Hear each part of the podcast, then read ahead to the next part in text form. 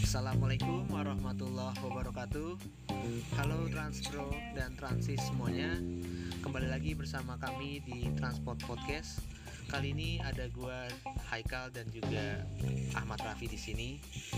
Eh, pada kesempatan kali ini kalau kita ngomongin Jogja nih eh, merupakan kota yang kota wisata sebenarnya ya yang selalu memanjakan para wisatawan yang datang pastinya. Banyak banget lagu-lagu yang menceritakan tentang keindahan Jogja. Ya kayak contohnya ya Aditya Sofyan dengan sesuatu di Jogjanya. Terus juga Doel Sumbang lagu tentang Malioboro ya. Ah, dan juga yang paling legend sih Club Project. Dan juga masih banyak lagi ya. Nah eh, ngomongin Jogja kita nih mau beranjak ke ngomongin soal kayak gimana sih fasilitas dan kebijakan pemerintah setempat dalam menyambut dan serta eh, mengatur para wisatawan yang datang gitu. Gimana supaya kota Jogja ini juga ditata dengan rapi gak supek dan segala macamnya eh, agar eh, yang datang tuh nyaman lah. Nah dan juga bagaimana sih eh, fasilitas-fasilitas penunjangnya seperti jalur pedestrian ataupun jalur sepedanya ataupun transportasi umumnya yang bakal ditata. Nah, pada kesempatan kali ini eh, dalam menyambut eh, Hari Pejalan Kaki Nasional, kita kedatangan bintang tamu nih dari pedestrian Jogja. Nah, kita nih bakal diskusi soal kayak gimana sih eh, pedestrianisasi di kota Jogja nih. Nah, oke, di sini ada Mas Abi ya. Boleh nih Ya, Mas? halo. Halo Mas. Boleh nih kita awalin dulu nih. Kayak gimana sih eh, terbentuknya komunitas eh, pedestrian Jogja gini dan gimana tuh kegiatannya? Boleh dijelasin tuh Mas? Oke, eh, ini per- eh, perkenalan dari profil pedestrian Jogja dulu ya. Betul. Mungkin saya mulai eh, sebenarnya dulu saya ikut eh, cukup mengikuti koalisi pejalan kaki juga ketika SMP, SMA pas di Jakarta. Oh, Tapi sejak kuliah di Jogja, eh, wah ini ini nih ada keresahan yang sama gitu. Wah ini masih belum belum terlalu apa memanjakan pedestrian, belum terlalu nyaman eh, trotoar dan fasilitas lainnya. Maka ini sih sempat mikir, wah udah ada belum ya koalisi pejalan kaki Jogja? ah, Paling baru denger denger denger denger pas waktu itu ada eh, Om Elanto Wijayono yang pesepeda menghadang Moge dan tapi nggak banyak nih ingat maksudnya tidak secara secara resmi ada koalisi pejalan kaki Jogja gitu Iya. saya eh, akhirnya kuliah kan 2018 jadi ke Jogja Mhm. walaupun sebenarnya yang di Jogja juga jadi setiap tahun memang ke Jogja tapi baru benar-benar pindah ke Jogja 2018 saya itu eh, akhirnya wah bikin deh nih gitu. pokoknya bikin akunnya aja dulu Ah, jadi kalau ditanya pedestrian Jogja itu apa sebenarnya ya setidaknya akun Instagram lah jadi saya dibilang admin ya admin gitu ya Iya. jadi eh, akun Instagram tentang ya tentang pedestrian tentang kepejalan kakian di Jogja. Saya belum mau mainin koalisi pejalan kaki Jogja deh. Eh, karena belakangan juga ada ini ada koalisi pejalan kaki Gajah Mada. Hmm. jadi wah ini ada juga nih. Walaupun nggak kenal belum sempet DM DMan tapi belum pernah ketemu dan sebagainya belum. Jadi ya anggap itu terpisah dulu lah. Ini ya udah pedestrian Jogja pokoknya menggambarkan bagaimana trotoar eh, fasilitas pejalan kaki lainnya di Jogja. Hmm. Untuk itu aja sih seder sesederhana itu untuk kegiatannya eh, ya saya sama beberapa teman dekat eh, kan untuk eh, ngefoto-foto trotoar dan fasilitas lainnya kan ya jalan-jalan juga kan Hmm. saya emang suka jalan kaki ya itu eh, kegiatannya paling untuk ngepost di medsos ya susur trotoar kemudian saya coba pakai trans Jogja Hmm. walaupun yang saya rasakan kan belum belum senyaman eh, dan seterjaring Transjakarta Iya, pasti. dan saya beberapa kali ini juga sih kayak motor naik trotoar ya ditegur gitu sih Hmm. mirip aja Berarti eh, awal tercetusnya tuh ya karena ya keresahan gitu Iya. dengan apa sih kayak misalnya nih kondisinya gini banget sih gitu padahal ya di Jakarta juga iya. Keresahan di banyak kota juga sih kalau iya ke kota-kota lainnya juga ini kan. Mm-mm. keresahannya cukup sama sih sebenarnya. Hmm, oke. Padahal di Jakarta juga masih belum ah, Iya. semuanya kan? Iya. Oke kita lanjut nih dari Mas Raffi. Monggo Mas Raffi. Sama orang Jogja ya? Hmm, mau nanya nih mas. Ter- masalah pedestrian Jogja. Seperti yang diketahui Jogja ini kota wisata ya kemarin juga di kawasan Malioboro juga jalurnya itu dari ujung utara ke selatan itu dijadiin jalur pedestrian jadi kendaraan nggak boleh lewat jadi yang boleh itu apa kalau nggak salah ya, or, orang pejalan kaki pesepeda becak andong sama kendaraan yang boleh itu cuma trans Jogja katanya ya hmm, gitu Nah, Iya. kalau kondisi jalur pedestriannya di Jogja itu kurang lebih kayak gimana sih mas? Se bener pengalaman di penyebarannya di Jogja gitu kayak gimana gitu kondisinya? Oke, eh, kalau lihat fit eh, Trans Jogja, eh, Trans Jogja, pedestrian Jogja beberapa waktu lalu kan ada ini kan eh, saya ngutip eh, tulisannya Necropolis itu kan ada Iya. akun perkotaan juga di Jogja itu ada yang nulis tuh eh, apa paradoks puasa gitu. Jadi bahwa eh, pedestrianisasi pembagusan trotoar di Jogja itu kan bentuk dari modernitas juga gitu. Dan itu cukup menjadi kontestasi dengan eh, bagaimana selama ini kota eh kota Jogja dianggap sebagai kota wisata kota budaya yang eh, banyak unsur tradisional keratonnya. Dan itu cukup mengalami ini sih kontestasi gitu. Jadi eh, misalnya Malioboro gitu. Malioboro eh, apa orang mengenalnya mungkin pasti rame nih rame. Eh, ya siapa pun boleh ke situ. Apalagi kan tingkat keragaman transportasinya dengan ada andong dan becak itu kan eh, beragam gitu. Dan sekarang eh, tidak boleh kendaraan bermotor ya. Mau mau diarahkan ke tidak boleh kendaraan bermotor itu juga pasti mengalami apa gegar di tiap ininya juga sih di tiap tahapnya. Saya merasakan Malioboro sebelum sebelum 2017 bahkan ketika trotoar metal itu kan yang apa yang apa namanya teraso ya trotoar yang abu-abu itu ya? itu itu beberapa kali kan eh, sebelum dibagusin trotoarnya itu di di apa dirapihkan ditertibkan soal penyeberangan.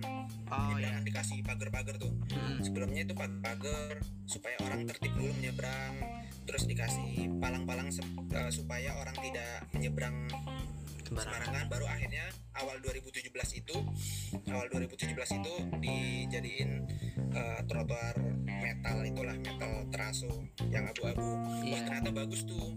Ternyata bagus akhirnya diperluas kan diperluas diperluas eh, ke jalan Sudirman. Kemudian yang paling apa yang bagus tuh bagus juga kalau tahu di jalan ini jalan apa Suroto ya. Hmm, jalan Suroto itu yang trotoar di tengah jalan itu. Oh yang ada itu ya apa tuh eh, kutus-kutus ya Wah, yang ada itu apa eh, gedungnya kutus-kutus. Kalau nggak salah sih. Putus-putus pokoknya yang trotoarnya ada di tengah itu tuh. Iya pernah lewat sih apa sih iya. Clement Huis atau apa ya namanya itu ya? Ada rumah iya pokoknya jalan Suroto deh. Oh, ini Atau sih mas ini walaupun kayak eh, daerah kota baru. Oh, karena kota baru. Kemudian belakangan yang di jalan Sudirman juga udah ada wayfinding kayak di Jakarta kan jadi ah. kalau kamu lihat di eh kamu menyusuri Jalan Sudirman ada apa aja nih di Jalan Sudirman? Apalagi itu banyak eh, bangunan-bangunan lama juga tuh bangunan tua yang walaupun udah jadi KFC Ricis tapi kan itu udah udah lama gitu oh iya iya Nah ini ternyata ini nih eh, trotoar Malioboro Jogja dan sekitarnya ini dapat perhatian juga dengan dari kota-kota lainnya kan. Ini kalau lihat berita belakangan kayak Kudus, kemudian apalagi kota apa lagi ya? Eh, lagi mau mencontoh ini trotoar Malioboro Jogja. Hmm, Jadi tipe-tipe kota di Jawa Tengah mungkin banyak yang ingin mengikuti trotoar Malioboro Jogja Eh, ya mungkin emang karena dulunya dikenal kota wisata jadi basisnya mungkin emang karena wisata gitu. Misalnya eh, sekarang proses pedestrianisasi Malioboro itu ya karena wisata bukan karena eh, bukan karena mungkin warganya. Karena justru kan kalau warga setempat eh, ada penolakan penolakan gitu. Jadi Hmm, karena emang dikunjungi dikunjungi banyak orang ya emang basisnya mungkin wisata. Dan ya kenapa juga eh, dimulainya dari Jalan Malioboro karena kan emang yang ramai buat wisata. Dan kalau dilihat dari rencana Pemkot Jogja sendiri hmm. kayaknya udah tahun dari tahun 2019 deh itu rencananya selain Malioboro tuh ada di daerah selatan juga kan Hmm. rencananya sih katanya Prawiro Taman Prawiro Taman juga termasuk yang mau dibagusin ya itu kan sempit tuh kalau Gelato dong. pilihan ya antara pilihannya itu eh, mau di pedestrianisasi karena itu sempit atau dibagusin doang tapi nanggung juga sih kalau cuma dibagusin karena itu lumayan juga sih kalau di pedestrianisasi walaupun pasti harus diatur lagi harus lalu lintas rekayasa lalu Iya, lintasnya benar-benar. emang arahnya ke situ sih Kalau nggak salah eh, yang di Malioboro tuh dulu apa namanya tactile block atau apa ya yang buat tunanetra itu pakai yang besi ya. Sekarang pakai yang kuning ya warnanya. eh sekarang Apa masih, masih besi? ini sih abu-abu yang Oh. besi itu itu yang sejak 2017 sih bertahan sih saya ingat banget Cuma waktu itu terakhir aku ke sana tuh 2020 Maret sebelum Covid ya. oh ya Itu udah bercopot-copot Mas tactile blocknya itu. Ya. Oh iya, iya pas 2017 juga awal-awal ini ada yang ngefoto wah kok langsung copot ada aja gitu itu masalah sih Tapi atau itulah tapi ini aku apresiasiin bahwa Malioboro itu malah lebih dulu dibanding yang pernah dengar kan soal yang kemarin tuh LEZ uh, low emission Iya, iya. zone di kota Jakarta kota. Iya iya. Di kota. Duluan si Malioboro malahan kan. Iya iya. makanya. Sebenarnya eh, kalau dilihat sih Jogja udah punya apa ya eh presiden mungkin presiden. Kalau kemarin bilang eh, pandemi itu jadi bikin tren budaya bersepeda. Mm, Jogja sebenarnya sudah dari lama punya jalur sepeda. Oh. yang terjaringan kan udah banyak banget jaringan jalur sepedanya di jalan ini jalan ini. Mm-mm. Eh, juga sebenarnya Jogja udah punya visi untuk pedestrianisasi dari lama gitu kan sebenarnya. Iya benar-benar misalnya yang kita lihat di Jakarta beberapa bulan terakhir karena pandemi gitu. Betul. Sebenarnya menarik sih Jogja. Makanya kayak eh, punya nilai tersendiri lah Jogja tuh dibanding Jakarta lah Oke, kalau boleh tahu nih Mas, ada rencana penataan jalur pedestrian di kawasan lain nggak sih Mas selain Malioboro? atau Prawiro Taman lagi dan lain-lain gitulah Mm-mm. hmm. Yang sudah tiap tahun katanya ada berapa miliar gitu saya nggak hafal ya kalau soal ini pakai apa dana istimewa atau APBD itu kayaknya di, digabung juga itu di di apa diperluas sih di di merembet merembet kan Mm-mm. di Malioboro kemudian Sudirman kemudian eh, oh katanya mau sampai ke Galeria.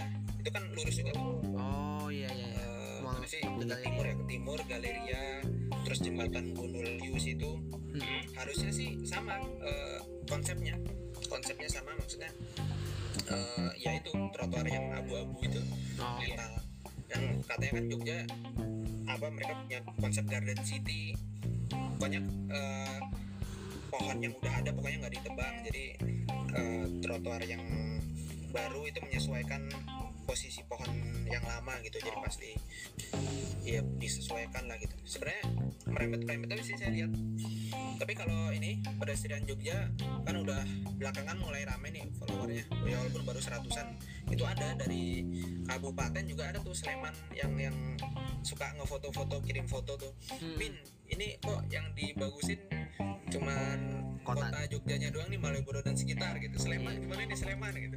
Oh iya nanti saya post deh saya tag di sub DIY nya mungkin jangan Jogja doang nih yang Sleman yang kabupatennya juga dibagusin gitu. Nah itu Iya. mungkin eh, harusnya punya visi. Kalau punya visi sih akan dibagusin juga gitu. Tapi mungkin dalam waktu dekat ya mungkin tahun ini tahun depan tuh. Baru sekitar sekitar sini sih kayaknya. Apa sini tuh perempet dari yang lama.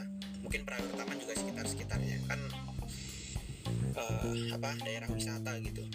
Kalau ke daerah Gitu sih ya. kampus-kampus kayak misalnya UGM gitu gitu UGM UPN UGM apa udah Nah, di saya benar juga? sih. Iya sih. Walaupun saya pernah ini juga pernah jalan kaki dari UGM jalan kaki ya dari UGM ke lurus aja ke apa tuh ke Kota Baru. Heeh. Mhm. ya itu kan masih satu ini aja lumayan deket sebenarnya Hmm. lurus ke bawah jalan Suroto Mm-mm. eh, stadion kemudian ke arah Tugu kan lurus aja sih Iya, iya. ya harusnya sih itu bagian dari merembet merembet itu ya Iya. saya belum tahu tuh yang secara pastinya eh, jalan apa lagi baru tahunya pas eh, di Galeria Galeria kan juga ke, ke utara langsung ke ini UGM juga itu. Iya, jalan iya. apa namanya? Jalan Yohana tuh yang udah jadi satu arah. Daerah Sagan tuh. Iya Sagan Oh iya, adanya ada gudegnya enak tuh. yes ya enak enak. Iya kan kalau wisata pasti ujungnya kulineran, Mas. iya. Sama itu gudeg Sagan itu. Berarti eh, lebih terfokusnya ke arah kayak kota Jogja dan ngerembet-rembetnya paling kecamatan-kecamatan yang di luar kota Jogja. Kan ke UGM itu kalau nggak salah udah Sleman ya kalau nggak salah. UGM udah Sleman iya. Ah, Sagan juga sebenarnya perbatasan itu kan. Iya nah. Kalau daerah yang udah ke arah ke daerah Bantul apa ya? Ngabean atau apa mungkin ada nggak ke situ eh, arahan eh, Nah itu kurang tahu lagi tuh. Eh, misalnya kita hubungin sama transportasi publik yang baru tuh yang teman Gusto itu juga. Iya ngerempetnya kan ada yang ke Godean, ada yang ke pokoknya masih Sleman lah gitu. Iya. Karena Sleman termasuk yang ini kan yang yang masih ramai itu Sleman sebenarnya. Betul, Sleman di antara Bantul, Gunung Kidul, Kulon Progo itu Sleman sebenarnya sih. bener Jadi kurang tahu kalau ini kabupaten lainnya.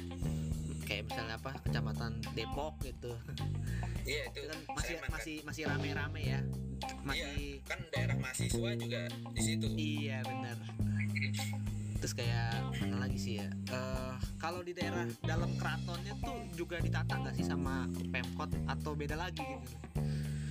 Eh harusnya sih satu ini ya satu apa satu apa ya satu visi juga ya. Eh, kalau kita lihat bukan yang di perkotaannya Hmm, eh, sebenarnya kemarin juga di pos sama Presiden Jogja ya eh, di Candi itu hmm, hmm. Candi daerah wisata.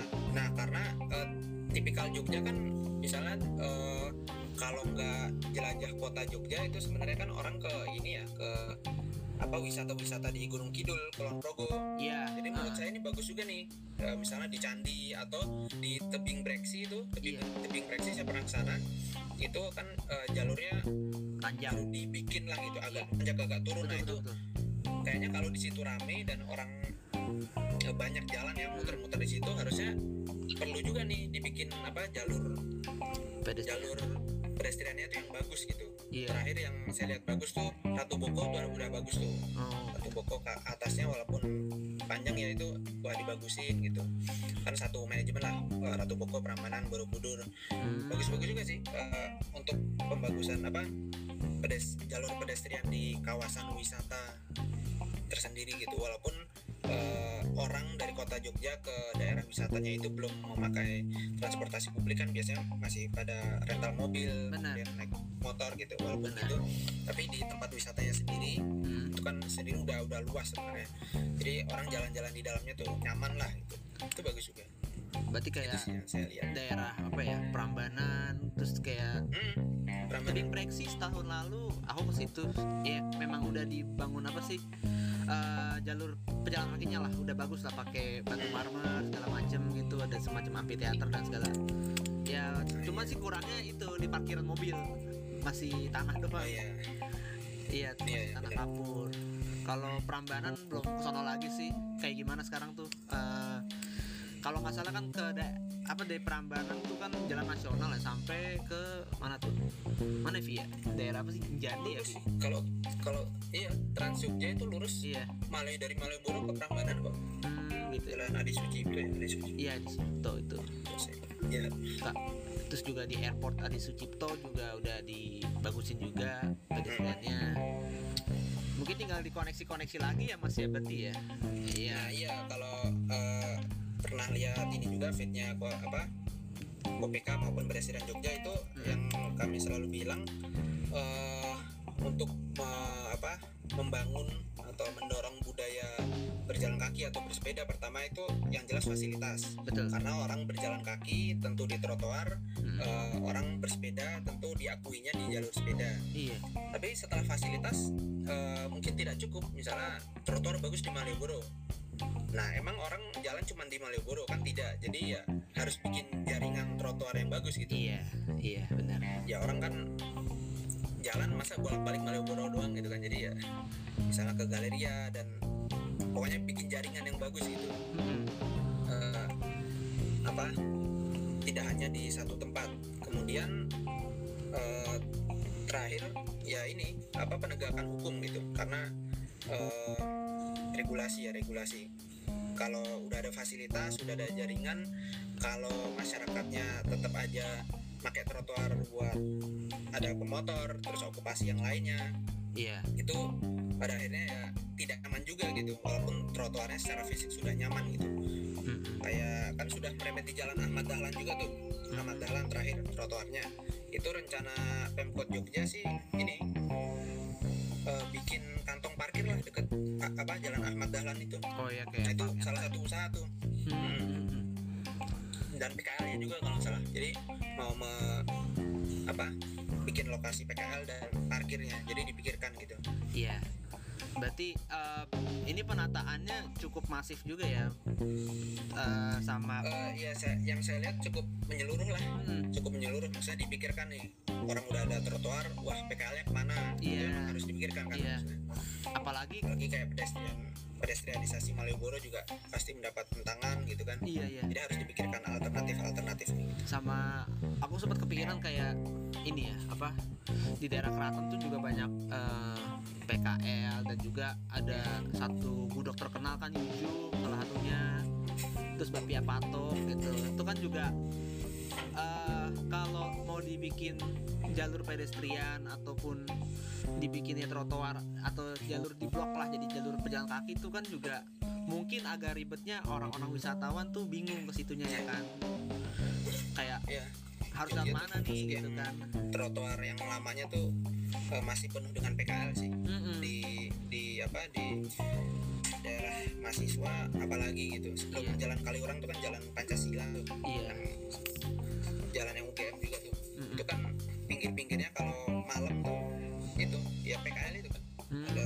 ada Iya. macam-macam tuh susu. Itu tuh. Kalau terus nah itu tantangan tuh di tiap ruas jalan. Mm. apakah akan dibersihkan atau apalah di, diatur lah gitu. Mm-mm. kalau nggak salah kemarin juga itu ya Tugu Jogja direvitalisasi lagi ya jalannya atau eh, jalur Iya pejalan itu kaki ini sih kabel. Oh. Karena kabel sangat mencintai junta itu. Nah itu makanya saya belum lihat juga nih belum ke Jogja lagi. Gitu. oh gitu kabel mencintai terus mungkin alurnya sih ya alur dirapiin lagi tuh. Hmm, cuma layoutnya doang ya? Ya, dananya berapa miliar gitu. Iya. Atau ya itu buat buat Instagram mobil atau emang penataan. Ya penataan sih sebenarnya. Mm-mm. kan kabelnya jadi lumayan lah. Eh, belum lihat belum lihat saya tuh. Pengen lihat secara langsung. Iya. Kayak base pengalaman juga eh, terakhir tuh bulan Maret sebelum Covid tuh sama aku sama si Raffi eh, nongkrong di Lekman di belakangnya stasiun ya. Itu juga pedestriannya masih wah masih jelek dah. Ubin apa? wah itu kan Kondok benar-benar di ini kan trotoar gitu Iya. Walaupun tuh jalannya jalan kecil cuman eh, entah gimana itu rame ya. Jadi agak ribet gitu loh kalau untuk dijadiin jalan apa nanti rencananya bakal dijadiin udah jadi eh, apa sih kawasan PKL segala macem itu mungkin harus dipikirin lebih lebih panjang lagi gitu ya sebenarnya penataan tuh ada beberapa pilihan sih misalnya kayak di angkringan eh, kopi jos itu Iya. Heeh. bisa jadi di pedestrianisasi atau kalau tidak tuh misalnya jadi shared zone shared zone tuh eh, di luar negeri juga mengenal konsep itu gitu jadi kayak kalau jalan kecil Mhm. pada akhirnya dalam satu jalan itu Heeh. ya itu tempat pejalan kaki eh, kendaraan bermotor tapi saling menghargai saja itu. Oh. Eh, kalau memang ribet tuh ada sebenarnya shared zone itu. Ada konsepnya kayak gitu ya? Iya kan kalau kan sulit juga gitu. Misalnya wah angkringan kopi jos kan memang di situ gitu. Heeh. masa direlokasi sih ada gitu beberapa pilihan tentunya dan juga pasti eh, dalam membuat atau menata ini itu kan juga perlu kaidah-kaidah kayak ya misalnya misalnya apa ya bentuknya eh, mau yang kayak gimana tactile blocknya terus kayak materialnya segala macem lah gitu.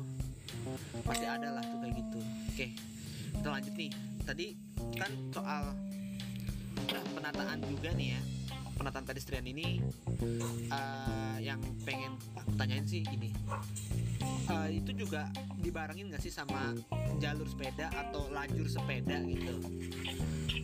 Nah eh, kira-kira tuh konsep layoutnya tuh kayak gimana gitu?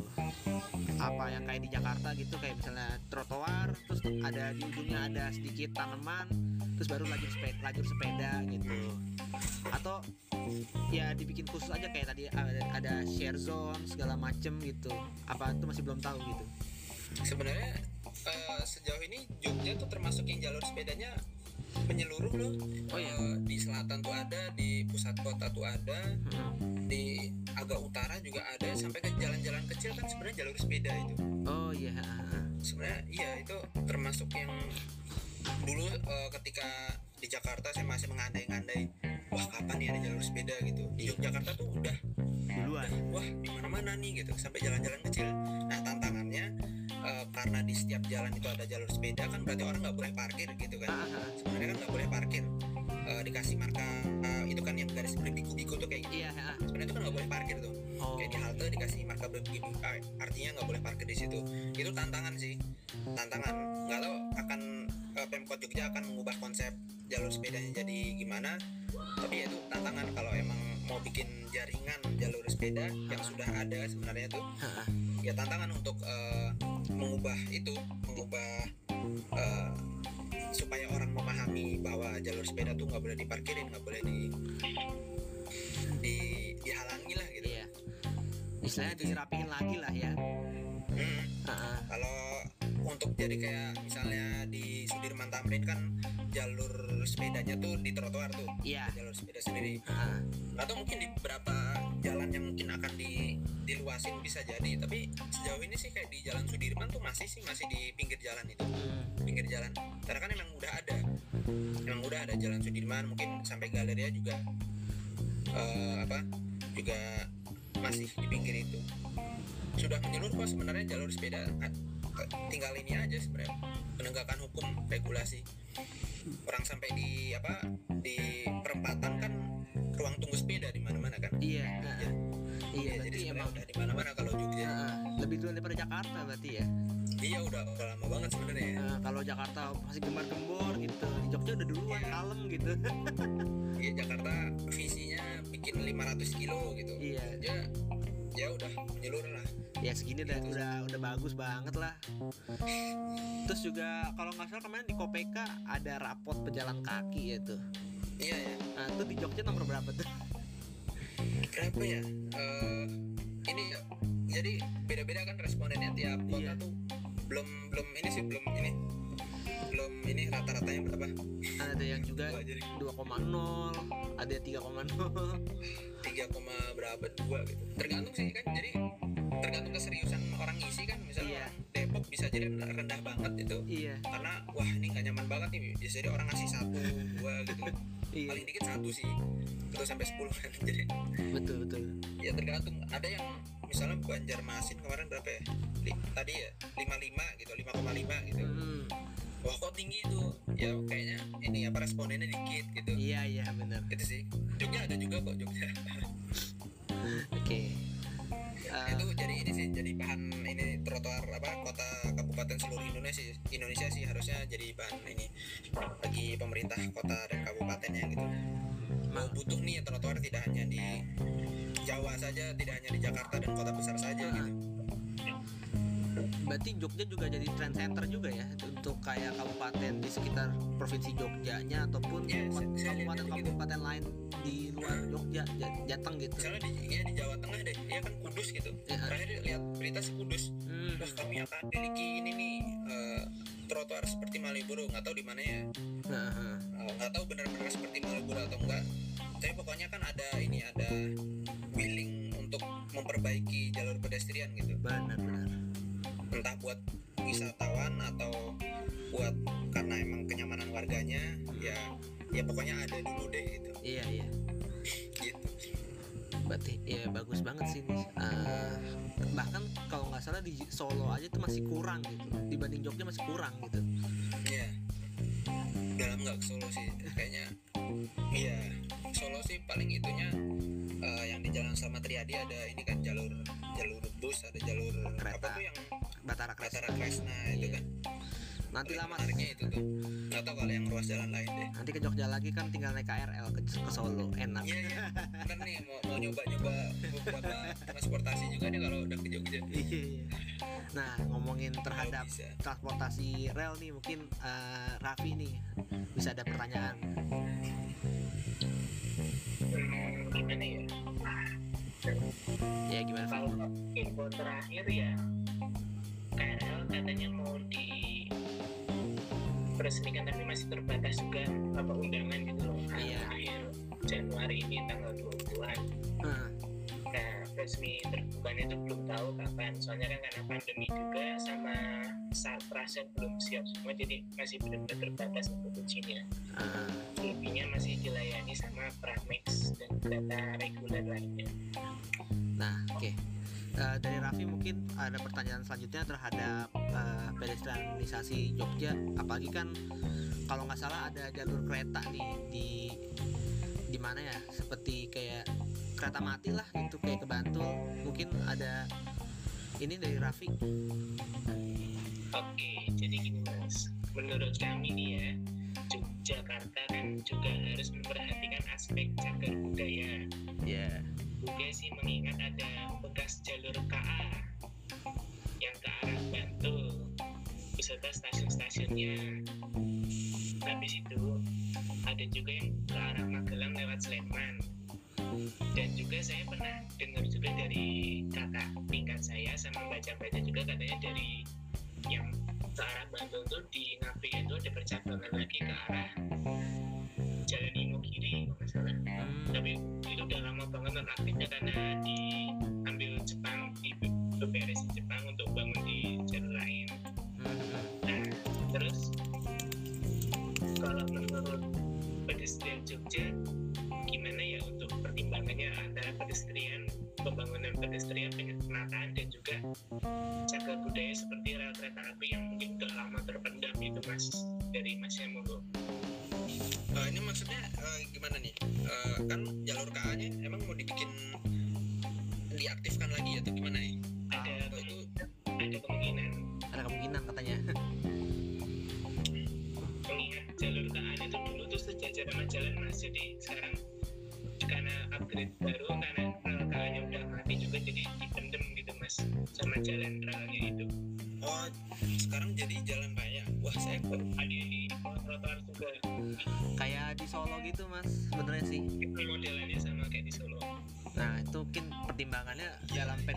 gimana tuh ya gitu Mungkin kalau Mas pernah Iya. ke ini deh apa daerah Bantul tuh ada stasiun Bantul bener-bener di pinggir jalan gitu. Iya yang oh iya dulu modelnya stasiun kereta api tuh gitu ya. Iya. iya Rel juga di kota misalnya Surabaya juga dulu tram kan juga Nah, kan ke jalan raya gitu ya. ya seperti sebenarnya sih ini segala apa segala pembangunan yang akan mau dibangun selanjutnya tuh pasti ada misalnya kajian kemudian akan rekayasanya bagaimana itu sebenarnya harus dipikirkan gitu sih Heeh. Eh, kami akan bilang bagus ketika misalnya pedestrian pedestrianisasi Malioboro kemarin itu kan dibikin survei oleh eh, Disub Hmm. Disub kota atau Disub DIY nah itu bagus tuh berarti kan ada aspirasi masyarakat Eh, kami juga sempat naruh di bio kan wah ini nih masyarakat istilah survei ini Heeh. menurut masyarakat gimana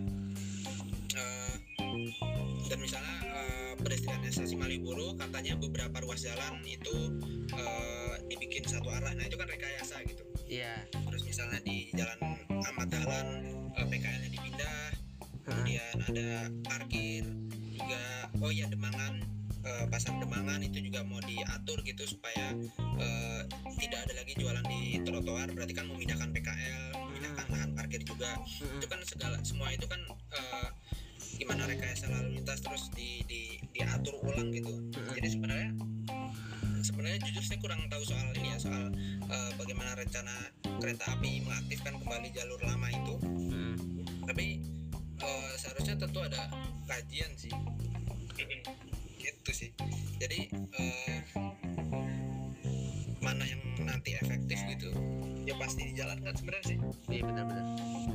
atau nanti saya harus lihat lagi Iya. Eh by, by the way juga eh, konsep park and ride-nya juga keren sih di mana di Jogja tuh. Kan ada juga parkiran kalau misalnya wisata nih biasanya parkir di parkirnya di mana sih Ngabean ya sama di Abu Bakar Ali ya. Hmm, iya iya Itu kan parkiran apa ya? Jatuhnya kan tuh sebenarnya tuh parkiran-parkiran park and ride gitu loh. iya iya Jadi parkir kita jalan habis itu jalan gitu loh. Ya itu ini sih tipikal juga ini masih nyambung ke transportasi umum transportasi publik Heeh. sebenarnya itu harusnya saling menunjang kan Iya. Eh, kayak tadi saya bilang tuh eh, fasilitas jaringan termasuk jaringan transportasi publik dan regulasi itu Heeh. saling menunjang harusnya jadi eh, ngapain juga bikin bikin misalnya sekarang ada koridor baru Trans Jogja gitu pakai teman bus sampai ke Godean dan sebagainya ya kalau infrastruktur misalnya haltenya juga di pinggir jalan doang juga ngapain juga itu tuh belum menyeluruh gitu belum, Iya. belum semuanya dipikirkan gitu Benar. juga kalau gimana nanti stasiun kereta di dalam stasiunnya atau di pinggir-pinggir stasiunnya aksesibilitasnya masih kurang tuh ya itu masih harus di, dinarasikan lagi tuh wah ini belum bener nih gitu Mm-mm. gitu Eh, termasuk ini parkir nih Eh, jadi kalau tipikal mungkin kota Jogja tuh jalannya kecil Trans Jogjanya itu busnya kecil gitu kan Eh, tidak semua bus itu bisa ke jalan-jalan kecil di Jogja Mm-mm. dan memang tidak semua wilayah Jogja itu bisa di apa disambangi dengan rute Trans Jogja atau bus itu kan pasti eh, ada wilayah orang pasti naik kendaraan pribadi motor atau mobil Betul. dan kalau itu ada keramaian wisata. Tentu ini park and ride itu harus gitu Harus ya. Iya, apalagi eh, ngapain dibikin trotoar fasilitas eh, pejalan kaki yang bagus, tapi tidak dipikirkan parkirnya gitu. Mm-mm. Walaupun kalau orang udah semua naik transportasi publik, ya parkir memang disedikitkan kayak di kota-kota di Eropa gitu, kayak kayak harapan Block Space Jakarta atau Tamrin 10 Jakarta itu kan Iya. tidak disediakan eh, lahan parkir karena wah ini kan dekat ini dekat koridor 1 Transjakarta, tapi nyatanya orang masih banyak nih yang pakai kendaraan pribadi makanya parkir jadi sampai di terminal Blok M itu kan. Nggak ah. benar juga gitu di itu nah nyatanya belum emang masyarakat kita belum semua eh, apa namanya? Teredukasi lah. eh, budaya mobilitasnya belum belum Oh, belum transportasi publik gitu. Selain karena jaringannya belum belum benar-benar bagus gitu Mm-mm. jadi penting tuh park and ride gitu Mm. kayak di Kemang gitu Kemang kalau tahu Kemang Jakarta Selatan eh, ada tuh lahan parkir lumayan luas Hmm. jadi orang trotoarnya bagus tinggal jalan-jalan tapi parkirnya di situ Iya. eh, kayak di mana lagi tuh Eh, oh Prawiro Taman ada sih tapi itu kayak eh, nggak resmi gitu Mm. ya orang nyediain aja lahan gitu karena kan sempit gitu Iya. Parkir di pinggir jalan ganggu parkir di trotoar nggak boleh sediain lah satu satu lahan tuh buat parkir itu penting sih Iya. apalagi buat daerah wisata keramaian Betul betul. Eh, apalagi kayak yang parkir-parkir eh, kantong parkir yang istilahnya tuh tanah kosong dijadiin tuh juga harus diperhatiin juga sih sama pemerintah gitu. Dibagusin lah apa di ya difokuskan juga gitu. Bener juga sih. repot kalau terlalu bebas eh, dibikin sama swasta misalnya kayak lahan kosong tuh udah keburu dibeli buat restoran gitu. Terus restoran yang gede lahan parkirnya dikit. Wah itu repot tuh. Misalnya di dekat rumah saya di Jakarta nih jalan Gunawarman gitu. Oh, iya iya banyak itu. restoran semua mahal Aduh. mahal juga lagi Benar benar benar. orang semua naik mobil kan Iya. orang semua naik mobil jadinya wah itu parkir semua tuh vale semua lagi gitu kan Padahal ada bis. Vale Padahal ada bis tuh mas masalahnya. iya iya Jalur gemuk tuh Senopati. nah, sebenarnya udah udah ada tuh Heeh. Transjakarta gitu bisa berhenti di situ juga gitu. Cuman ya budaya orangnya ya jalur sepeda juga gitu deh. jalur sepedanya nggak pakai tuh jadi Bener. iya sih orang ada gitu tapi jadi parkir jadi parkir itu paralel masalahnya tuh. bertahun-tahun nah itu tuh udah repot tuh kalau Iya. jadi gitu kan jadi mau mau dicari lahan kosong yang buat parkir mana nih ya udah udah keisi semua gitu nah sebelum itu emang kalau mau bikin suatu keramaian Mm-mm. ya dipikirkan gitu eh, hal-halnya aksesibilitas parkir kalau kalau lingkungan tuh ada amdal ini ada amdal lalin gitu. Dan lalu lintas. Iya mengenai dampak lalu lintas. Iya iya bener. Gitu sih. Iya, ngomongin soal Senopati ya itu emang apa ya car centric parah sih walaupun udah ada Iya. bis segala macem. Bahkan sampai valenya ke mana-mana gitu ada lahan kosong Iya. tuh bekas apa ya sekolah tuh. Wah udah pakai aja. Iya ya ada. Lagi banyak restoran-restoran baru ya kan? Aduh. Oke nih. Ada yang dulunya PKL hmm, terus eh, udah nggak ada PKL tapi dibangun restoran gede jadinya tempat parkir jadi Iya. sengaja trotoarnya. Iya makanya. Itu dia tuh. Oke nih eh, diskusinya mantep banget nih ya. Nah kita langsung ke closing statement nih terhadap diskusi ini.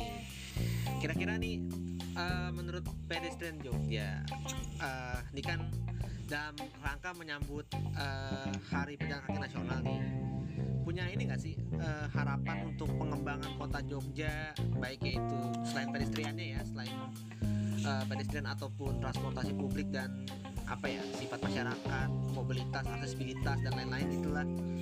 Dan juga eh, harapannya di Hari Pejalan Kaki Nasional ini nih apa nih gitu?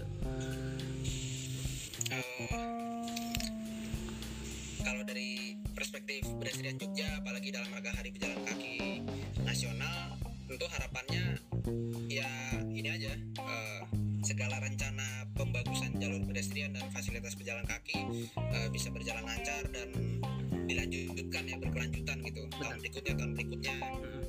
Mungkin oleh wali kota selanjutnya eh, juga di kabupaten-kabupaten eh, lainnya gitu.